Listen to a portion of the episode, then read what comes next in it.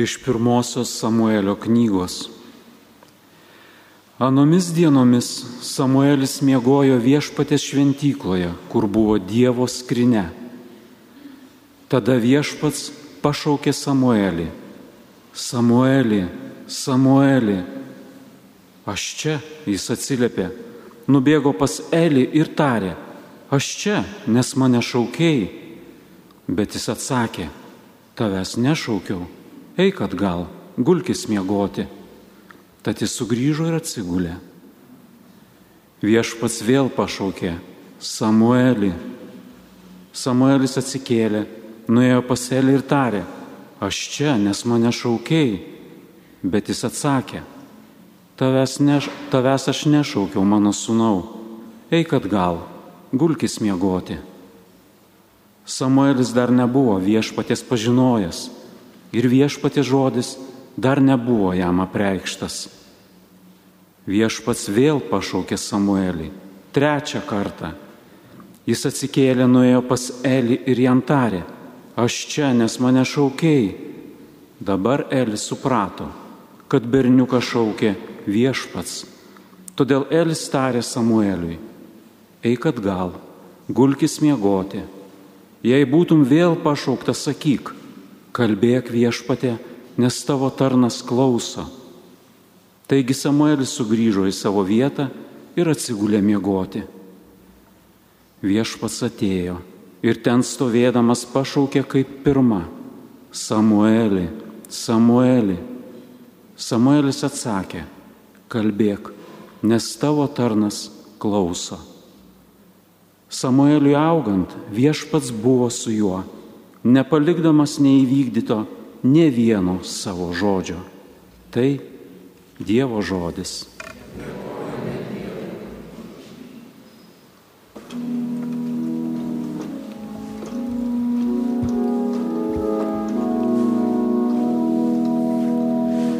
Štai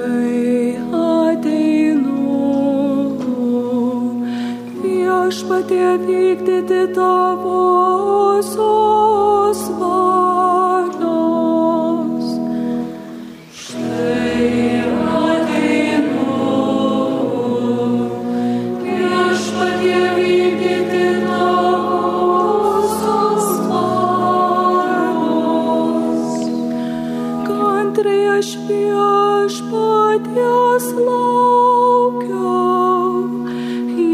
see prisilenkė prie manęs ir išgirdo mano šauksmą. Man į lūpas įdėjo naują.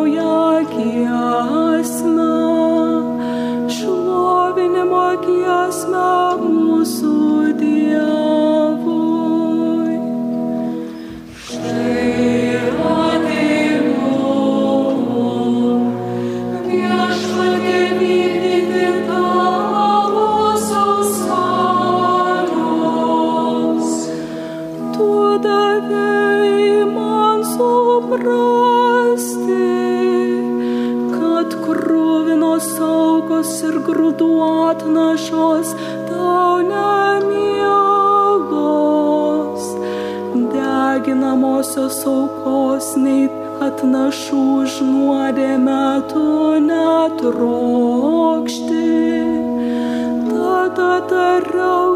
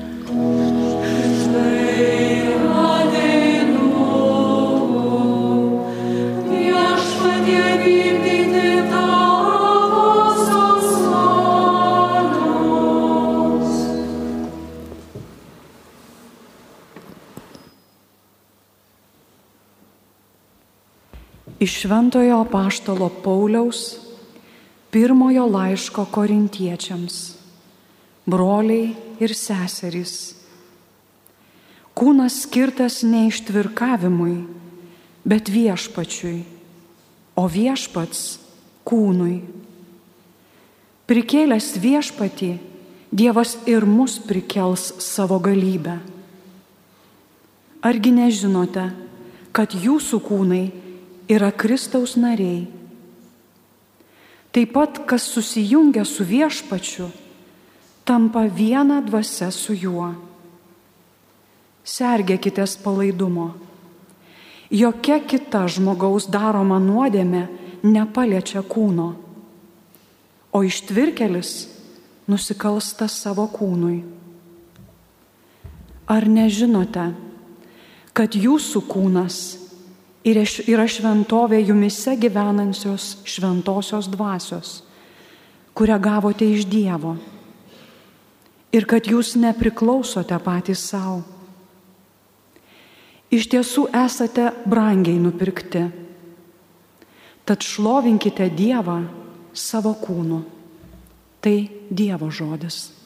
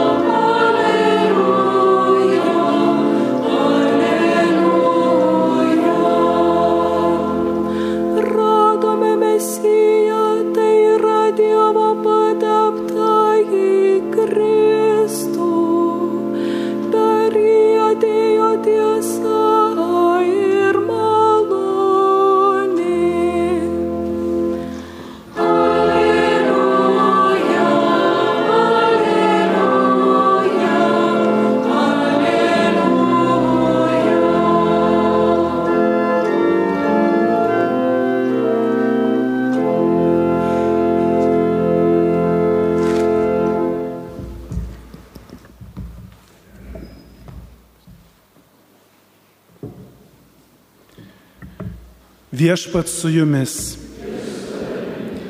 Pasiklausykite Šventojios Evangelijos pagal Joną.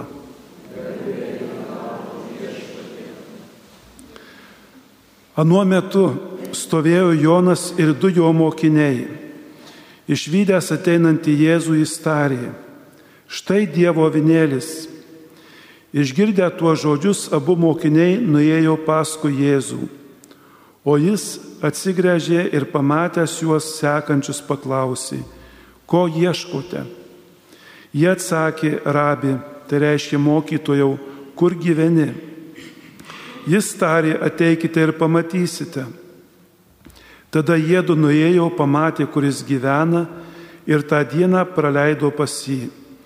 Tai buvo apie dešimt, dešimtą valandą. Vienas iš tų dviejų, kurie girdėjo Jono žodžius ir nuėjo su Jėzumi, buvo Simono Petro brolis Andriejus. Jis pirmiausia susieškojo savo brolį Simoną ir jam pranešė, radome Mesiją, išvertus tai reiškia Dievo pateptą į Kristų ir nusivedė jį pas Jėzų. Jėzus pažvelgė į jį ir tarė, tu esi Simonas Jono sūnus, o vadinsies Kefas, tai reiškia Petras uola. Girdėjote viešpaties žodį.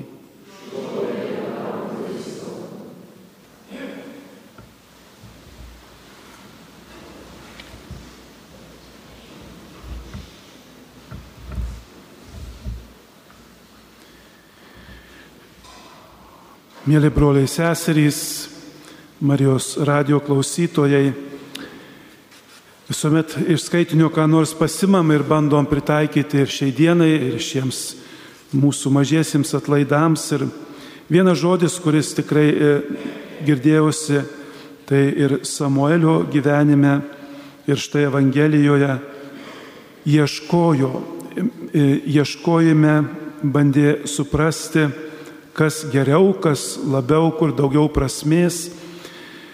Jeigu Samuelis tai daugiau gal per sapnus savo naktyje kažko ieškojo, už tai tie, kurie buvo pakviesti apaštlai, ieškojo Jėzaus, kuris jisai gyvena.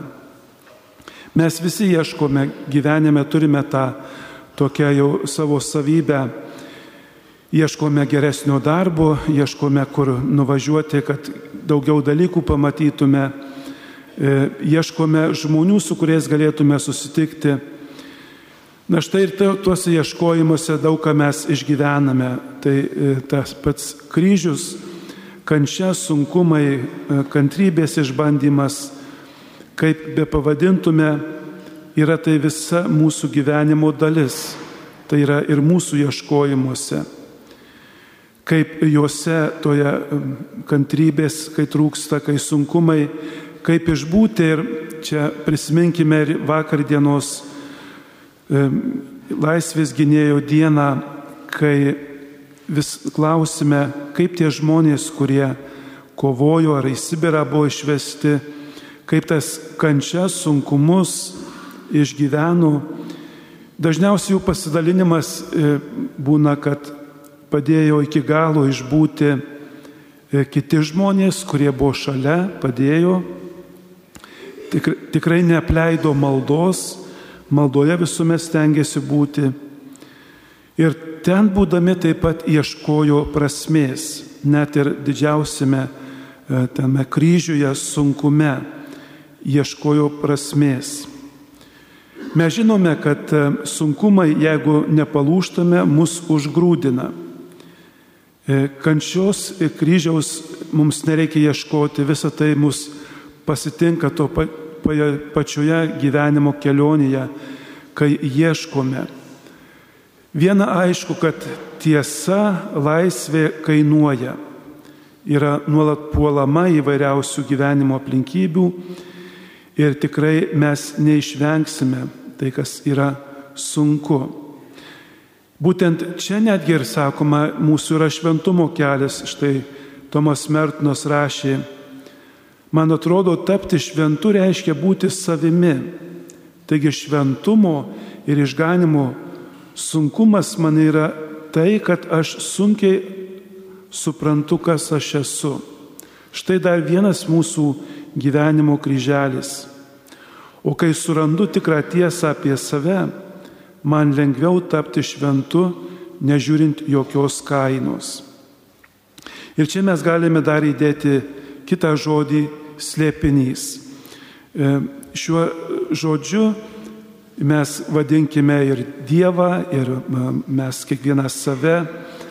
E, slėpinys gyvenimas, slėpinys mirtis, slėpinys ir kai vyksta aplinkui e, neteisybė, karas, Bet sakoma, kad pats slėpinys tai nėra nesuvokimas, bet neįsiemiamumas. Kažkas yra daugiau tame paslėpta. Tai ir girdėjome Samuelį vis klausė, kas čia mane šaukia, kur čia man ką man daryti. Tai ir tame slėpinyje mes galime surasti giliausią prasme Ir tai nėra kokia nors ezoterika ar mūsų galios magija, bet dovana duodama veltui. Mes kiekvienas, kai esame slėpinys, pasaulis, visas mūsų gyvenimas, mes niekada nebaigėme ieškoti iki galo, kol netrandame vis daugiau. Ir tuo pat metu esame kviečiami šį slėpinį priimti, ištartami žodį taip. Šiandien girdėjome, ką sakė Samuelis, kaip galiausiai suprato tos slėpinio dalį. Taip sutinku būti tavo tarnas, taip mano gyvenimui, taip mano pašaukimui, taip mano nuolatiniam tobulėjimui žmogiškume. Taigi, galime šiandien čia būdami vis išmokti tą žodį taip ištarti. Ir pirmasis tas žingsnis, ką jau girdėjome skaitiniuose, išgirsti, kai Dievas kviečia. Ne, neišgirsime, bandysime patys kurti jo karalystę. E, mes, kai mokėmės kunigų seminarijoje, pas mus buvo klerikai, kurie buvo labiau pamaldesni, kiti tokie kaip aš netiek. Ir būdavo kai kurie pasilieka ilgiau e, koplyčioje pasimelsti, tai vieni draugai pabandė tą vieną pamaldų e, klieriką Joną vardu vis pakalbinti, kai jisai meldėsi. Jonai, ar girdi mane, ar jis mane, kad čia tikrai viešpats kalba. Galiausiai sakė, girdžiu tavo tarnas klauso, jam draugai sako, laikas Jonai eit miegot, ganėjau klausyti. Bet kai išgirstame tikrai tą Dievo kvietimą tikrą, ne, nesuvaidintą, mes galime atsiliepti ir tai vienintelis būdas dalyvaujati jo karalystės kūrime. Mūsų maldoje, mūsų sąžinėje jis atskleidžia, kad jo misija yra nelengva, tačiau verta ją priimti.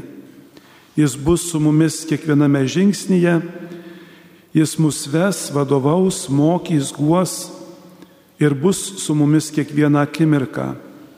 Antrasis žingsnis - pasakyti taip, kai Dievas kviečia ir žinoti, kad Jis neatskleis viso savo tobulo plano. Jis nenurodo, kur būsime vedami, ką turėsime daryti, o kartais planas bus aiškus, kartais reikia žengti visiškai aklai juo pasitikint.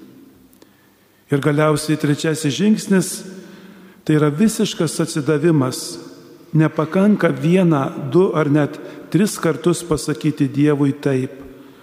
Mūsų visiškas atsidavimas yra visą gyvenimą trunkantis sprendimas, kuris turi būti gilinamas kiekvieną dieną. Tai kartais skausminga ir reikalauja nepalaužimo atsidavimo, ypač sunkiomis ir tamsiomis gyvenimo akimirkomis. Ar esame pasiryžę ištarti taip ir nueiti visą kelią iki galo, kur galiausiai sutiksime slėpinių slėpinį viešpatį Dievą. Amen.